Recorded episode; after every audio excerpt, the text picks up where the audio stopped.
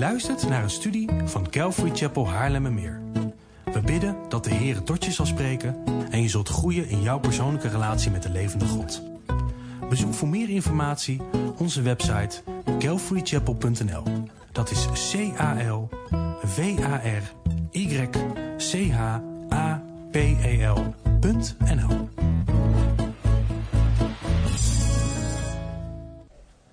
mocht ik het nog niet gezegd hebben, hartelijk welkom uh, bij de Calvary Chapel, de eredienst van de Calvary Chapel. Jullie die meekijken ook, hartelijk welkom. Uh, vanmorgen uh, gaan we verder met de preekserie Route 66. En we zullen in vogelvlucht gaan kijken naar het Bijbelboek Jona. Um, waarvan ik denk dat het de meest verkeerd begrepen um, boek is onder de kleine profeten. Um, volgens mij is, ja, hij staat daar. Um, het is de vijfde, nee, vierde, vijfde, ja, vierde, vijfde van uh, de kleine profeten. Het is het 32e Bijbelboek, zie ik. Ik begrijp het al, al nu, nu al niet. Um, maar zowel christenen als ook niet-christenen, die maar iets van Jona afweten, zouden ons meteen kunnen vertellen dat Jona het verhaal is van Jona en de walvis. En mijn hoop en, mijn gebed is dat wij vandaag meer van het Bijbelboek Jona zullen zien dan alleen het stereotypische. Uh, maar voordat we dat gaan doen, zitten we nu op de eerste 32 Bijbelboeken. Die we nu gaan opnoemen, samen heel hard. Jullie moeten dit uit volle borst gewoon uh, gaan, op, gaan noemen. Wat zeg je? Ja, ik had vorige week gevraagd volgens mij of iemand dit wilde leiden. Nee? Hoeft niet. Oh, André, ben, ja. Oh. Nee. Alright. Volgende week ga ik gewoon iemand naar voren roepen. Nee, ja, gra grapje. Volgende week is de zaal gewoon leeg. ja. Alright. Genesis, Exodus, Leviticus, Numeri, Deuteronomium, Joshua, Richteren, Rut, 1 Samuel, 2 Samuel, 1 Koningen, 2 Koningen, 1 Kronieken, 2 Kronieken, Nehemia, Esther, Job, Psalmen, Spreuken, Prediker, Hooglied, Jesaja, ja, Ezekiel, Daniel, Hosea, Joel, Amos. Ja, en. Hey, oké, kijk. Blijven oefenen. Oké, nou ik heb al meerdere malen aangegeven sinds wij in de profeten zitten, zowel de grote als de kleine, dat de profeten hun uh, bediening hebben uitgevoerd tijdens de periode van, um, of tijdens de periode in de geschiedenis van, uh, van Israël. En ik, ik blijf hierop hameren, maar om te kunnen volgen waar de profeten het over hebben, is het van belang dat wanneer je de profeten leest, en ik weet dat dat lastig is, je de relevante passages in de in geel gekleurde uh, boeken raadpleegt. Het is nodig uh, voor onder andere de context, het is ook nodig voor de achtergrond. Als je de profeten los van de geschiedenis leest, dan blijf je uh, in het duister tasten. Uh, over waar de profeet het heeft. Ook, ook loop je het gevaar dat je zaken uit zijn context haalt en dingen verkeerd gaat toepassen. En denk niet, want sommige mensen hebben deze denkwijze, denk niet dat je, wat ik net had gezegd, dat je dat kan nalaten omdat jij en de Heilige Geest er samen wil uit gaan komen. Dat is een, dat is een, een leugen. Jij gaat er niet samen met de Heilige Geest uitkomen als je, niet, um, als je je niet beijvert in het rechtsnijden van het woord van God. De Heilige Geest verlicht ons, absoluut. Hij leidt ons, hij helpt ons, hij is de geest der waarheid die ons tot de volledige waarheid leidt. Hij openbaart het woord van God aan ons wanneer wij conscientieus zijn in het rechtsnijden van Gods woord. En niet voor niets zegt Paulus dit, of schrijft Paulus dit aan de jonge voorganger in Efeze, Timotheus. En wat schrijft hij? Hij zegt: Beijver u om uzelf wel beproefd voor God te stellen als een arbeider die zich niet hoeft te schamen, die het woord van de waarheid recht snijdt. Dit is een vereiste om Gods woord te kunnen snappen. En dus het, het zoeken naar en het vinden van de relevante passages uh, is een essentieel onderdeel van het rechtsnijden van het woord van God. En alsjeblieft, als je hier vragen over hebt, als je daar hulp bij nodig hebt, vraag het gewoon. Er zijn meerdere mensen hier in de gemeente die je daarbij kunnen helpen, zowel mannen als vrouwen. Dus blijf niet in het duister tasten. Als je hulp nodig hebt of als je dat wil, vraag het alsjeblieft. Nou, nu haal ik mijn heel verhaal eronder uit. Want dit gezegd hebbend, is het wat Jona betreft niet alleen lastig om direct de historische context en achtergrond in de Bijbel te vinden. Het is in Jona's geval, en ik, wat ik net zei, ik haal mijn hele verhaal eronder uit. Het is in Jona's geval ook niet per se nodig. En ik zeg dit onder voorbehoud. Hè, dus, dus dit is echt een, een, een uitzondering. Als je bijvoorbeeld wil weten wie de Ninevieten zijn of de, de Assyriërs, of als je wil weten hoe, wie ze waren en hoe wreed zij waren, hoe gruwelijk ze waren, dan moet je naar buiten Bijbelse bronnen gaan kijken.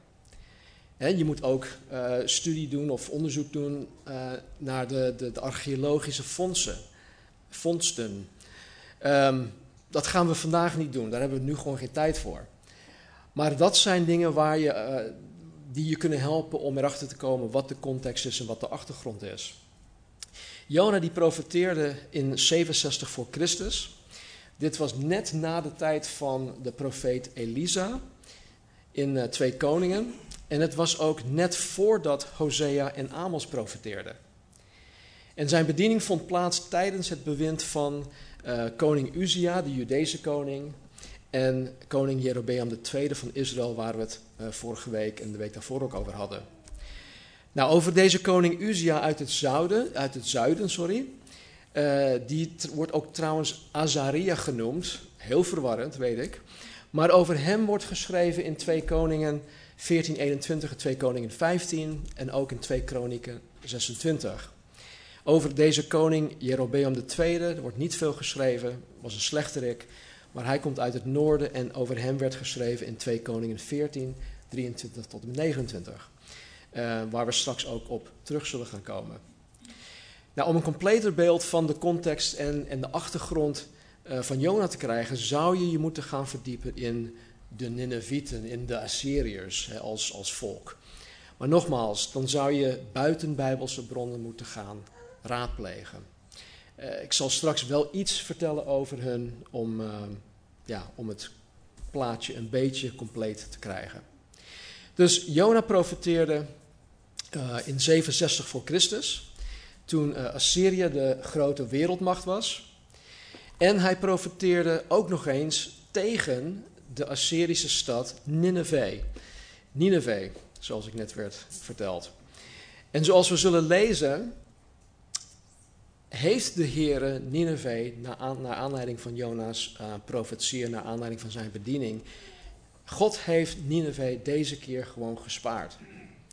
En um, uiteindelijk uh, gaat het heel fout met, met de Assyriërs, maar deze keer heeft God hun wel gespaard. En Jona is heel makkelijk, ik, ik, wou dat alle Bijbelboeken zo makkelijk te verdelen zijn, maar Jona um, bestaat globaal uit vier thema's. En die heel mooi te verdelen zijn over vier hoofdstukken. Uh, dat zijn uh, Jona in de storm, in, of Jona en de storm, in de storm. In hoofdstuk 1, Jona en de grote vis, hoofdstuk 2. Jona en de stad Nineveh in hoofdstuk 3. En Jona en de Heere God in hoofdstuk um, ehm, 4. Ja, dus laten we samen lezen hoofdstuk 1, vers 1 en 2. Het woord van de Heere kwam tot Jona, de zoon van Amittai. Sta op, ga naar de grote stad Nineveh en predik tegen haar, want hun kwaad is opgestegen voor mijn aangezicht. Tot zover. Nou, omdat er in de theologische wereld een mate van ongeloof heerst, en dat is heel bizar om dat überhaupt te hoeven zeggen, Maar er, er heerst een mate van ongeloof voor wat betreft het bovennatuurlijke. En omdat die, het ongeloof heerst, wordt het boek Jona door deze mensen in discrediet gebracht. En vanuit die ongelovige hoek beweert, ehm, of wordt beweerd dat de vertelling Jona 1 tot en met 4 slechts een allegorie is of dat het zelfs een sprookje is. Dus ten eerste moeten wij als bijbelgelovende christenen uh, beseffen dat Jona een ware profeet van de Here was. Hij wordt hier aan ons voorgesteld als Jona, de zoon van Amittai. Waren het niet voor een vers in 2 Koningen 14, dan zouden wij alleen zijn naam weten. En maar deze Jona komt gelukkig ook in 2 Koningen 14, 25 voor, waarin staat dat koning Jerobeam II, waar we het net over hadden, dat hij grondgebied voor Israël terugwon hè, van zijn vijanden, overeenkomstig het woord van de Heere dat hij gesproken had door Jona, de zoon van Amittai, de profeet uit Gad Hever, Hever, een plaats in Galilea. Dus dat geeft ons iets meer informatie over wie deze Jona is. Maar het bewijst ook dat hij iemand is die God gebruikte. Het is dus, hij was dus een echte uh, historisch iemand, een historische Jona. Hij profeteerde aan een echte historische koning over een echt ge, uh, historisch gebeurtenis. En bovendien, en dit is voor mij, ik geloof het nu al, maar als je het nu nog niet gelooft, misschien helpt het jou dit te geloven. Jezus zelf bevestigt de waarachtigheid van Jona.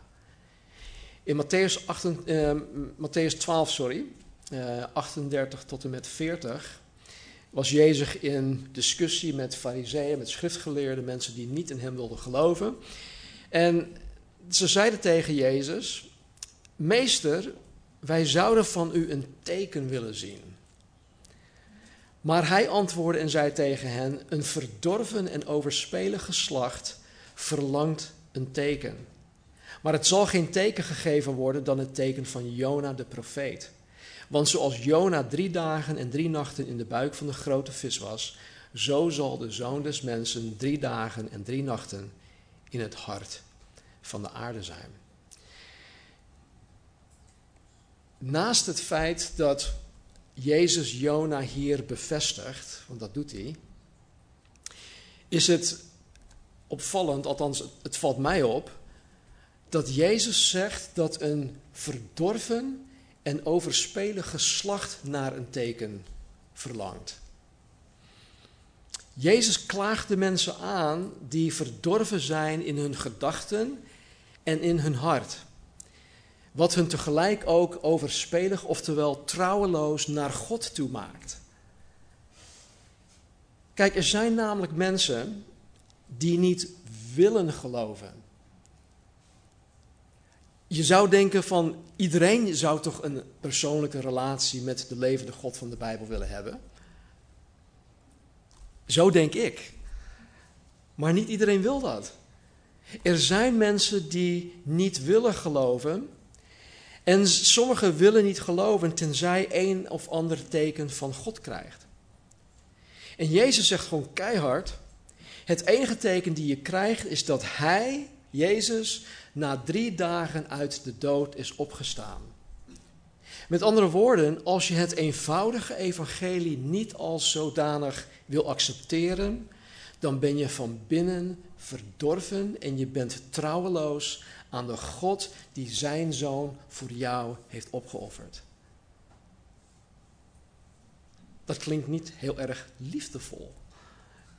want zo wordt Jezus vaak afgeschilderd als een soort teddybeer. Alles is liefde. God wilde dat deze ware profeet namens hem naar Nineveh zou gaan om tegen haar te profeteren, want God wist als geen ander hoe onbeschrijfelijk kwaad de mensen van Nineveh waren. Vers 3. Maar Jona stond op om naar Tarsus te vluchten, weg van het aangezicht van de Heer. Hij daalde af naar Javo of Joppe. Ligt nu ten zuiden van Tel Aviv. En hij vond een schip dat naar Tarsus ging. Hij betaalde de prijs voor de overtocht en daalde af in het schip om met hen mee te gaan naar Tarsus, weg van het aangezicht van de Here. Dus in plaats van dat hij de reis van zo'n 500 kilometer naar Nineveh maakte, vluchtte Jona, richting Tarsus, wat zo'n 2000 kilometer de andere kant op was. oftewel, het, het, werd destijds uh, geacht als het, het einde van de wereld. Tarsus ligt nu volgens uh, mensen, volgens de, de, de, de kenners, uh, dat ligt nu in, in, Spanje, in Cadiz, dat moet je, dat moet je voorbij de um, Gibraltar, uh, de Strait van Gibraltar. Ja, de straat van Gibraltar moet je, moet je voor, voorbij. En, en zo ver is dat. En in die tijd was dat gewoon heel ver. Dat was Verwegistan kwadraat. Oké, dus um, dat was de einde der aarde. En, en, en staat twee keer dat Jona wegvluchtte van het aangezicht van de Heer. Kijk, wij weten, wij die wedergeboren zijn, wij die God kennen, en dat wist Jona ook wel, dat de Heer al omtegenwoordig is. Hij is overal. Het is dus onmogelijk om van de Heer weg te vluchten. Dus door, naar, door naar Tarsus te vluchten, wilde hij God niet letterlijk ontvluchten. Vele geloven, vele theologen geloven dat Jona meende zijn ambt als profeet neer te leggen. Hij was er klaar mee. En we zullen straks kijken naar waarom. Eh, hij diende als het ware zijn ontslag bij God in. Vers 4 tot en met 17. We gaan best wel veel lezen vandaag. Maar de Heere wierp een hevige wind op de zee. Er ontstond een zware storm op de zee, zodat het schip dreigde te breken. Toen werden de zeelieden bevreesd en zij riepen ieder tot zijn God. Zij wierpen de lading die in het schip was in de zee om het daardoor lichter te maken. Maar Jona was afgedaald in het ruim van het schip, was gaan liggen en was in een diepe slaap gevallen. De kapitein kwam bij hem en zei tegen hem: Hoe kunt u zo diep in slaap zijn? Sta op, roep uw God aan. Misschien zal die God aan ons denken, zodat we niet vergaan. Daarop zeiden de mannen tegen elkaar: Kom, laten wij het lot werpen, zodat we weten door wie dit onheil ons overkomt. Ze wierpen het lot en het lot viel op Jona. Toen zeiden zij tegen hem: Vertel ons toch door wie dit onheil ons overkomt. Wat is uw werk en waar, komt u vandaan? Wat is uw land en van welk volk bent u? En hij zei tegen hen: Ik ben een Hebreeër en ik vrees de Heere, de God van de hemel, die de zee en het droge gemaakt heeft. Toen werden de mannen zeer bevreesd. En ze zeiden tegen hem: Hoe hebt u dit kunnen doen? De mannen wisten namelijk dat hij op de vlucht was, weg van het aangezicht van de Heer, want hij had het hun verteld. Ze zeiden dan tegen hem: Wat moeten wij met u doen, zodat de zee ons met rust laat? Want de zee werd hoe langer, hoe onstuimiger. Daarop zei hij tegen hen: Pak mij op en werp mij in de zee, dan zal de zee u met rust laten. Want ik weet dat deze zware storm u omwille van mij overkomt. Mannen of de mannen roeiden echter om het schip terug te brengen. Ze wilden hem niet overboord gooien, uh, maar zij konden het niet. Want de zee werd hoe langer, hoe onstuimiger tegen hen. Toen riepen zij de heren aan en zeiden: Och heren, laat ons toch niet vergaan om het leven van deze man. He, dus ze hadden besloten om hem, om, over, om hem overboord te gooien. Leg geen onschuldig bloed op ons, want u, heren, doet zoals u behaagd heeft. En daarop pakten zij Jona op en wierpen hem in de zee. En de woedende zee kwam tot bedaren. Toen werden de mannen zeer bevreesd voor de heren. Zij brachten de heren een slachtoffer en legden geloften af. En de heren beschikte een grote vis om Jona op te slokken. Jona was drie dagen en drie nachten in het binnenste van de vis. Tot zover. Wanneer God een persoon tot een specifieke taak roept, dan is God er niet alleen niet van gediend wanneer die persoon zijn verantwoordelijkheid ontvlucht, maar God is er vooral op uit om die persoon in liefde en in genade te herstellen. De levende God van de Bijbel is de God van meerdere kansen. Ik weet daar echt alles van. want God weet, hij weet wat het met zijn dienstknecht doet wanneer hij de rug toekeert aan zijn roeping. En zoals we hier net gelezen hebben en zoals we verder ook gaan lezen, zal God er alles aan doen om zijn dienstknecht weer op de juiste koers te krijgen. Zo staat God hierin. Dit was absoluut geen straf. God wilde hem redden. En mensen staan of in verwondering over het feit dat God een grote vis had geregeld hè, om, om Jona uit het water te redden, of zij spotten ermee en achten het als een belachelijk verhaal. Maar als je goed hebt opgelet, was, was dat niet het enige wonder. Het begon al met uh, het feit dat God, een kei, dat, dat God het keihard liet waaien, waardoor een zware storm ontstond, dat het schip dreigde te breken.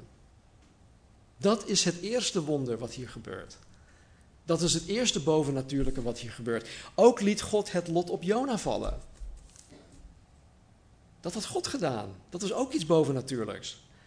God kalmeerde de zee en hij stopte de wind. Was ook iets dat God had gedaan. Ook een wonder, ook een teken. En toen pas voorzag God in de grote vis die Jona redde van het verdrinken. Hoofdstuk 2. Dus aan het einde van hoofdstuk 1 staat dat Jona drie dagen en drie nachten in het binnenste van de vis was. En dan begint hoofdstuk 2 met deze woorden. Toen bad Jona tot de Heere zijn God vanuit het binnenste van de vis.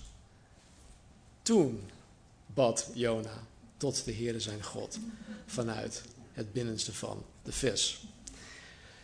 Kijk, Jona had genoeg tijd om na te denken over wat hij had gedaan. En om na te denken over hoe God hem had gered. En pas na, pas na drie dagen en nachten begon hij te bidden. Nou, we weten niet wat zijn motivatie was om zo lang te wachten. Eh, of hij was erg koppig, of Jona had gewoon de tijd nodig om tot bezinning te komen. Soms doe ik er persoonlijk heel erg lang over om tot bezinning te komen. En gelukkig gunt God mij dan ook de tijd. Nou, het opvallende is dat Jona niet tot God bidt om hem te redden uit deze benarde situatie. Ik kan me er niks bij voorstellen om in een, het binnenste van een grote vis te zitten. Ik heb jarenlang gevist met mijn vader. We deden altijd in de, de, de, grote oceaan. Vissen die ruiken sowieso niet goed aan de buitenkant. En um, ja, eenmaal kop eraf en ingewanden eruit, nou, dat, dat meurt. Dus ik kan me er niks bij voorstellen hoe erg dat voor Jona was geweest. Dus het is opvallend dat hij niet bidt, oh heer, haal me hier alsjeblieft uit. Nee, weet je, Jona wist al bij voorbaat dat God hem had gered. Het feit dat hij nog levend in die vis zat, zag hij als Gods redding. En ook opvallend is wat hij dan wel bidt. In versen 2 tot en met 6 in hoofdstuk, uh, hoofdstuk 2 lezen wij alleen maar um, lofprijs, woorden van lofprijs en dankzegging. En, en in het dankgebed haalt hij zijn woorden uit onder andere de psalmen, maar ook uit klaagliederen. En dan niet letterlijk één op één, maar wel in dezelfde trant. Lees het maar een keer door. In versen 7 en 8 toont Jona berouw. In vers 9 lezen wij een hernieuwde toewijding aan de Heer en aan zijn roeping om te doen wat God van Jona vereist. In vers 9 en 10.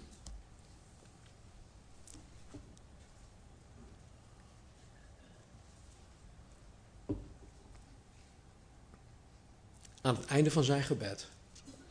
Maar ik, Jona, met dankzegging zal ik u offers brengen. Wat ik beloofd heb, zal ik nakomen. Het heil is van de Heere. En toen sprak de Heere tot de vis en hij spuurde Jona uit op het droge.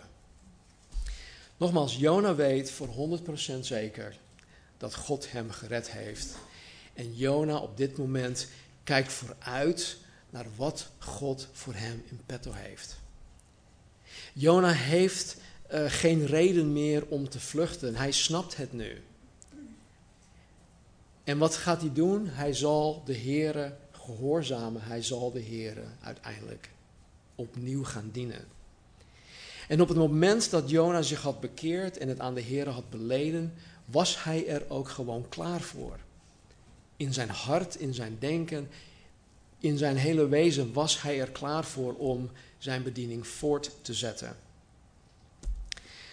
En in hoofdstuk 3, waar de meeste critici focussen op wat er eventueel binnen in de vis zou kunnen gebeuren, want er is heel veel discussie daarover en hoe onmogelijk dat allemaal is, is het van groter belang om te focussen wat er binnen in Jona gebeurde. Niet zozeer wat er in de vis gebeurde. En want wat er met Jona in de vis gebeurde is veel belangrijker. En dat komt dan ook tot uiting in hoofdstuk 3, namelijk zijn overgave en zijn gehoorzaamheid aan de Heer. En wat eigenlijk nog mooier is dan wat er in Jona's hart gebeurt, is het keiharde feit dat God mensen en in het bijzonder zijn kinderen altijd weer een kans, een tweede kans en een derde kans en een vierde kans geeft. Als ik terugdenk aan mijn leven voordat ik tot geloof kwam, kan ik nu in mijn achteruitspiegel zien dat God, terwijl ik zijn vijand was, dat God mij gewoon zoveel kansen heeft gegeven. En nu ik zijn kind ben, des te meer. God zal blijven proberen. God zal ons kansen blijven geven. Elke keer weer opnieuw. Hoofdstuk 3, vers 1 tot en met 10. Het woord van de Heer kwam voor de tweede keer tot Jona. Sta op, ga naar de grote stad Nineveh en predik tegen haar de prediking die ik tot u spreek. Toen stond Jona op en ging naar Nineveh overeenkomstig het woord van de Heer. Nineveh was een, was een geweldig grote stad van drie dagreizen doorsnee. En Jona begon de stad in te gaan, één dagreis. Hij predikte en zei: Nog veertig dagen en Nineveh wordt ondersteboven gekeerd. De mensen van Nineveh geloofden in God. Zij riepen een vasten uit en trokken rouwgewaden aan, van de grootste tot de kleinste onder hen. Toen dat woord de koning van Nineveh bereikte, stond hij op van zijn troon, legde zijn staats, statiegewijd af, hulde zich in een rouwgewaad en ging in, um, in het stof zitten. En in Nineveh werd op bevel van de koning en zijn rijksgroten omgeroepen. Mens en dier, runderen en schapen mogen niets eten, niet grazen en geen water drinken. Mens en dier moeten in rouwgewaden gehuld zijn en met kracht tot God roepen. Ze moeten zich bekeren, ieder van zijn slechte weg en van het geweld dat aan zijn handen kleeft. Wie weet zal God zich omkeren, berouw hebben en zijn brandende toorn laten varen, zodat wij niet omkomen. Toen zag God wat zij deden, dat zij zich bekeerden van een slechte weg. En God kreeg berouw over het kwade dat hij gezegd had hun te zullen aandoen. En hij deed het niet. Dus Jona krijgt opnieuw de opdracht. En deze keer gaat hij. En zijn boodschap was puur en alleen een waarschuwing. Zijn boodschap was puur en alleen een waarschuwing dat de stad in 40 dagen ondersteboven zou worden gekeerd door de levende God van de Bijbel. Er zat geen belofte van God in die boodschap. Het was niet zo dat Jona hen waarschuwde en als zij zich zouden bekeren, dan zou God hun sparen. Dat zat totaal niet in zijn boodschap. Nee, het was alleen maar een aankondiging. Dit gaat gebeuren. Over 40 dagen zijn jullie er niet meer.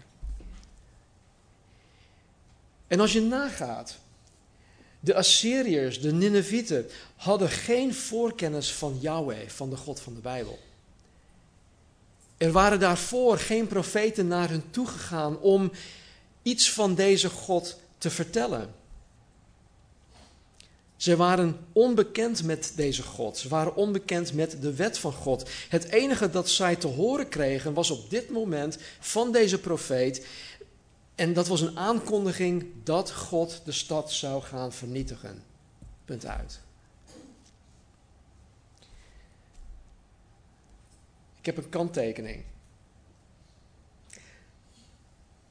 Het was namelijk wel zo, en dit kan je, hiermee kan je doen wat je zelf wil. Het is niet zo belangrijk, maar ik vind het wel interessant. Het was namelijk wel zo dat drie jaar daarvoor, dus drie jaar voordat um, um, Jona daar naartoe ging, er een volledige zonsverduistering was. En dat staat ook echt, dat is, dat is ook echt vastgelegd. En er was rond die tijd een aantal plagen.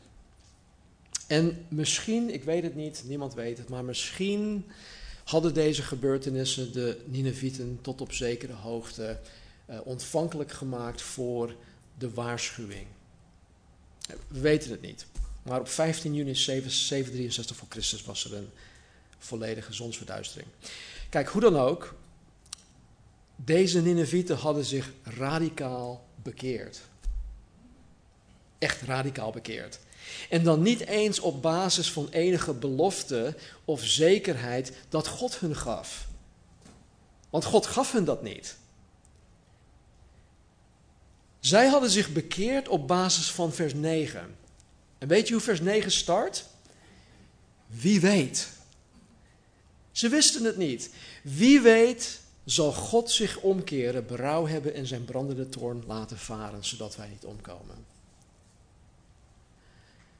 De houding en het handelen van de Ninevieten is enerzijds bewonderingswaardig en anderzijds is het een keiharde aanklacht tegen allen die de God van de Bijbel anno 2022 verwerpen. Waarom? Waarom is dat? Kijk, wij hebben de historische feiten over Jezus Christus. Wij hebben ooggetuigenverklaringen van zijn opstanding uit de dood. Niet alleen zijn, zijn, zijn discipelen, niet alleen degenen eh, die bij zijn graf waren. De lege, het eh, ja, die, die lege graf. Nee, er staat in Korinthe dat er meer dan 500 mensen aanwezig waren die de opgestane Jezus hebben meegemaakt. Dus wij hebben ooggetuigenverklaringen van zijn opstanding. Wij hebben de Bijbel. Het woord van God. Wij hebben Gods keiharde waarschuwingen. Wij hebben Gods keiharde beloften. Wij hebben het bewijs van veranderde levens. Jullie zijn brieven van Gods genade en liefde en zijn macht, dat Hij bij machten is een mensenleven geheel te gaan veranderen. Dat is het bewijs dat God bestaat.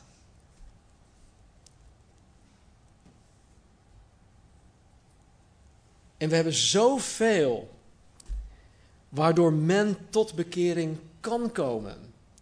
Er is zoveel wat we mensen kunnen aandragen, waardoor zij gewoon na kunnen denken en, en tot de conclusie moeten komen: ja, dit is waar, ik geef me geheel over aan de God van de Bijbel. Maar men vertikt het. Jezus sprak tegen de weerbarstige ongelovigen in Matthäus 11 over hoe het voor steden zoals Sodom en, en, uh, en, en, nog, andere, en twee, nog twee andere steden verdraaglijker zou zijn op de dag van het oordeel dan voor hen. En hij sprak dit tegen drie Joodse steden waarin Jezus de meeste wonderen had verricht. Het dus Jezus verkondigde het evangelie. Hij had in al, alle drie steden heel veel wonderen verricht, meer dan in andere plekken. En hij zegt, omdat zij niet wilden geloven, zei hij tegen hen: Het zal voor Sodom meer verdraaglijker zijn dan voor jullie op de dag van het oordeel. En Jezus' oordeel over hen is gebaseerd op het feit dat zij Joods waren. Het waren Joden, notabene. Zij hadden de Heilige Schrift. Zij zagen met eigen ogen de wonderen en tekenen van hun Messias die Jezus verrichtte. Maar ondanks dit alles bleven zij Jezus verwerpen. Sterker nog, ze hadden hem gekruisigd. En ik zei het al vorige week of de week daarvoor: kennis brengt verantwoordelijkheid met zich mee. Dit is wat Jezus ons hier laat zien en dit is ook wat wij uit Jona 3 moeten leren. De Ninevieten hadden geen kennis, maar toch bekeerden zij zich. Mensen hebben anno 2022 zoveel kennis ter beschikking, maar zij vertikken de verantwoordelijkheid voor die kennis te dragen. En als jij iemand bent die genoeg over Jezus Christus gehoord hebt en jij je nog steeds tegen Hem verzet, lees alsjeblieft Matthäus hoofdstuk 11, vers 20 tot en met 24. Want Jezus spreekt hier tot jou. Jezus waarschuwt jou. In vers 10 staat, 10 van hoofdstuk 3 staat, toen zag God wat zij deden, dat zij zich bekeerden van hun slechte weg. En God kreeg berouw over het kwade dat hij gezegd had hun te zullen aandoen en hij deed het niet. Kijk, God krijgt geen berouw zoals wij mensen berouw zouden kunnen krijgen uh, over iets dat wij fout hebben gedaan. Uh, ik vind berouw eigenlijk een heel onhandige vertaling van het Hebreeuws woord. En ik heb, van de week heb ik uh, zeven of acht verschillende Nederlandstalige vertalingen geraadpleegd. En geloof het of niet, maar de Bijbel in gewone taal vertaalt het beter dan alle conservatieve Nederlandse vertalingen. In de Bijbel gewone taal staat: En hij kreeg medelijden en veranderde zijn plan. In plaats van God kreeg berouw over het kwade dat hij gezegd had hun te zullen aandoen en hij deed het niet. Kijk, in de grondtekst betekent het woord als eerste om gerust te stellen.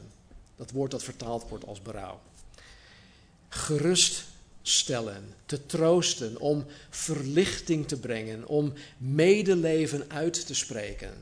Dat is de, de kern van het Hebreeuws woord. En hierin zien wij Gods hart voor de mens. En daarom vind ik het zo jammer dat het zo onhandig wordt vertaald. Op het moment dat iemand zich tot God bekeert, is God er om die persoon gerust te stellen. Ik weet niet hoe jullie in het leven staan, maar joh, als ik in paniek ben of als ik in een situatie ben waarvan ik denk, hoe ga ik hier ooit uitkomen, dan is het zo ontzettend fijn als ik door God gerustgesteld word. En dat doet Hij en dat wil Hij. Hij stelt zijn kinderen gerust. Hij troost zijn kinderen. Hij wil verlichting brengen aan zijn kinderen. Hij wil medeleven uitspreken. Er zijn zoveel dingen. We kunnen hier wekenlang over preken, alleen al over deze eigenschappen, deze dingen. En God heeft dit voor de Ninevieten gedaan. Een gruwelijk en wreed volk. Een goddeloos volk. Een volk dat de grootste bedreiging vormde voor Israëls bestaan toen.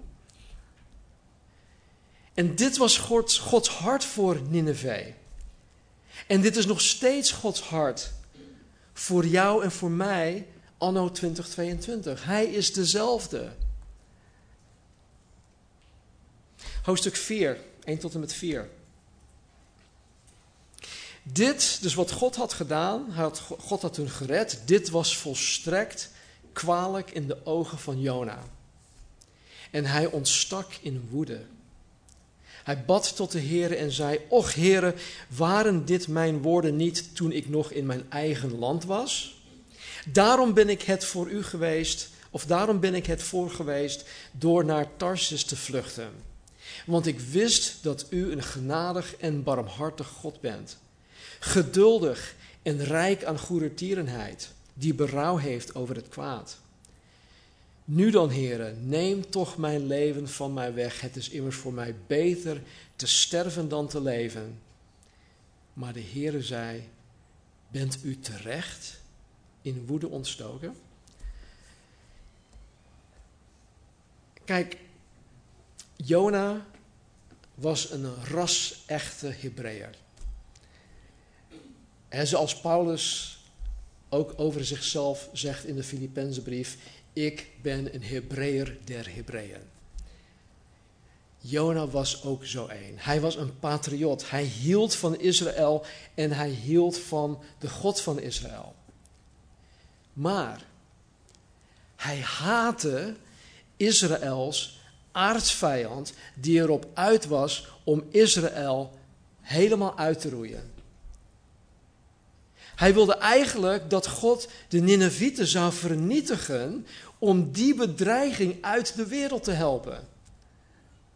Dat was zijn gedachte. En dat lijkt me heel logisch.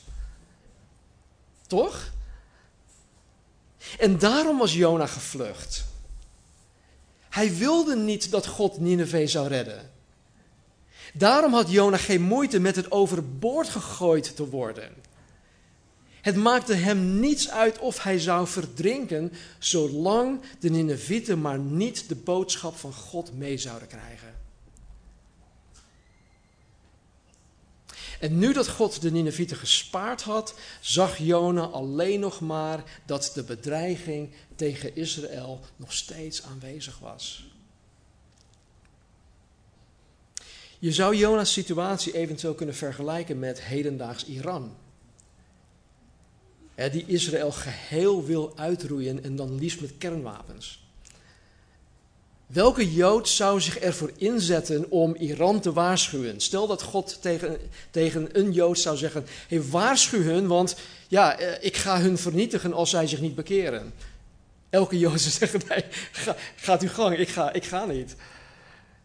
Dat was Jona of dat God een ras-echte orthodoxe Jood tijdens de Tweede Wereldoorlog naar Duitsland toe zou sturen om daar een waarschuwing van God aan te geven.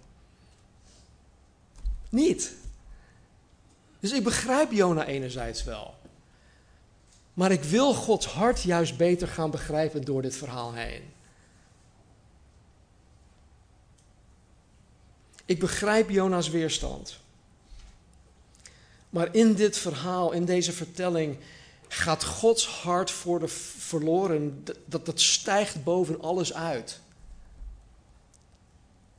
En hier zien wij dus dat, al, uh, dat het Gods bedoeling was en nog steeds is om alle volkeren te redden. Niet alleen Israël. Ja, Israël is Gods uitverkoren volk, maar God wil dat niemand verloren gaat. En hij heeft dat onder andere hier in Jona ook bewezen. En de vraag die ik mezelf moet stellen en de vraag die ik ook aan jullie wil voordragen, die je zelf moet stellen, is dit. Hoe zit dat met jou? Hoe zit dat met mij? Hoe zit dat met ons? Aan wie zou jij weigeren het evangelie te willen brengen? En dan niet omdat het misschien lastig of moeilijk of vervelend zou zijn, maar omdat jij vindt dat die persoon of die mensen het gewoon niet verdienen. Dit is heel lastig, ik weet het. En ik zeg hiermee niet dat je nu ineens wel moet, dat je dat wel moet gaan doen, dat je naar die persoon of naar die mensen of naar het land toe moet gaan. Nee, het gaat hier om je hartgesteldheid. Heb jij het hart van God voor alle verlorenen? Of heb jij een hart van voorkeur? Maak jij onderscheid eh, in, wie jij denkt die het evangelie wel of niet verdient? En nogmaals, ik weet dat dit heel erg lastig is.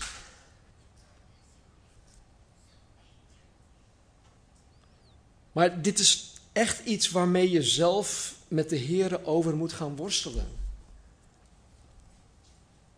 Want ik weet dat er in ieder van ons wel iets in ons hart zit waarvan wij zoiets hebben van nee, daar ga ik echt niet naartoe. Wat die mensen, andere mensen hebben aangedaan, of wat die mensen mij hebben aangedaan, no way. En daar moet je zelf met God uitzien te komen. Laten we bidden. Hemelse Vader, dank u wel voor wie u bent, Heer, voor uw goedheid, uw trouw. Dank u wel, Heer, dat u het Bijbelboek Jona ons gegeven hebt. En dan niet zozeer om de grote vis, maar om de kern van waarheid die hierin zit. Dat u alle mensen wil redden. Dat u uw dienstknechten meerdere kansen geeft en wil geven om te doen wat u van hen vraagt, vereist. Dat u zo ver gaat, Heer, zelfs om uw dienstknechten, die misschien op dit moment op een zijspoor zitten, Heer, dat u er alles aan doet om hen weer op het juiste koers te brengen. En Heer, hoe dat eruit ziet, dat weet u alleen. Het is uw weg met een ieder van ons als individuen. Maar Heer, dank u wel dat u de God van meerdere kansen bent. Dat u genadig bent, dat u liefdevol bent, dat u rechtvaardig bent.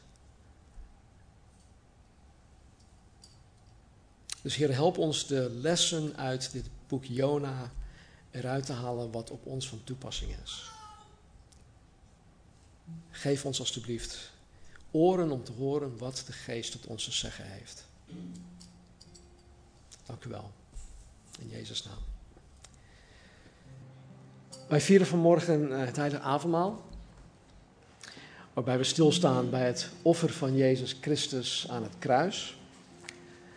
Het kruis waar Hij, Jezus, mijn straf, onze straf, geheel op zich nam, zodat wij vergeving van onze zonden zouden krijgen en ontvangen.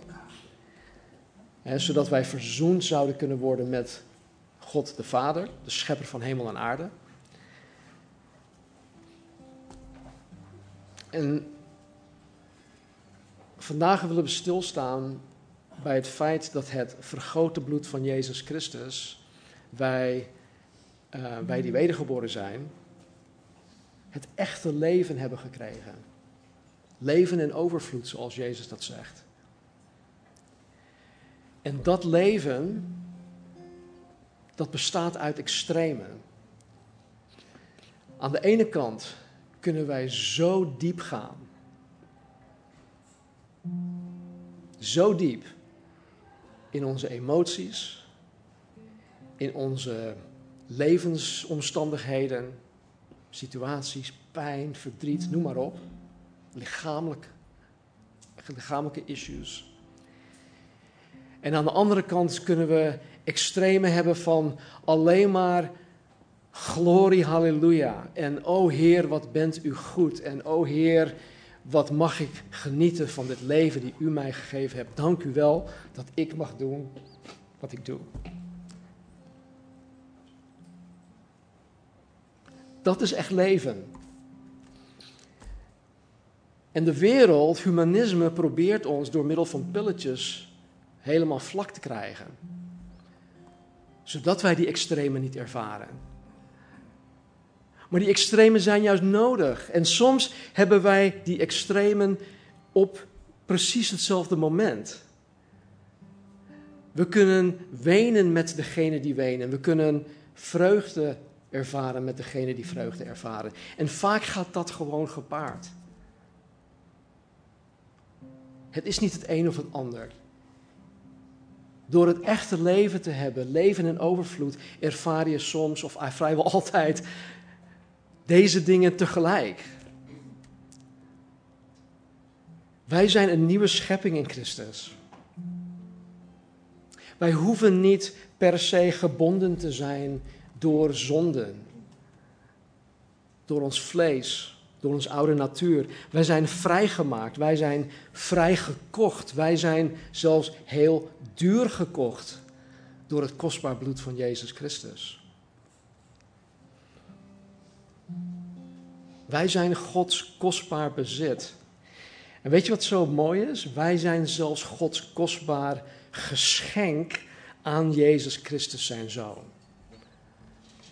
Jezus zei op een gegeven moment: Hij die de Vader aan mij gegeven heeft, kan niemand uit mijn hand drukken. Even mijn eigen vrije vertaling. Dus ik ben door God aan Jezus gegeven. Jullie die wedergeboren zijn, zijn een cadeau van God de Vader aan Jezus Christus. Wij zijn onvoorwaardelijk geliefd. Wij zijn begenadigd, zoals Maria dat was. Wij hebben de Heilige Geest die ons helpt om christen te kunnen zijn. De Heilige Geest die ons bekrachtigt om getuigen te kunnen zijn. De Heilige Geest die de vrucht van de Geest een dagelijkse realiteit in ons leven maakt. En ga zo maar door. Er zijn zoveel voordelen die God ons geeft alleen maar om het feit, en het is alleen maar om het feit dat wij zijn kind zijn. En de Ninevieten hadden dit niet. Zij hadden dit niet, maar toch gaven zij zichzelf over aan de levende God van de Bijbel. En mijn vraag is dan, wat belet jou? Wat belet jou?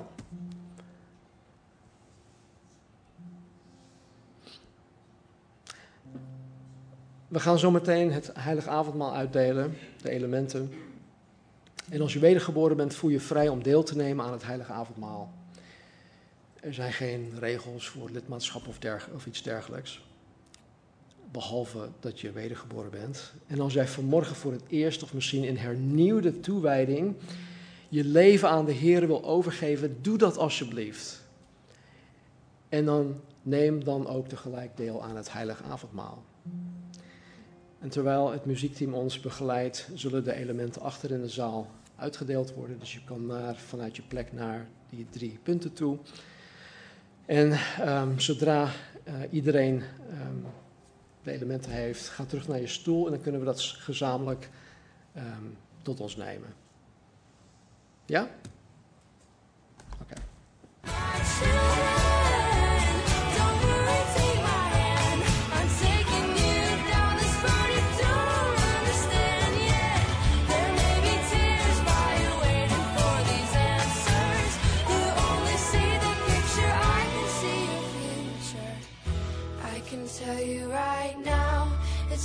Be alright.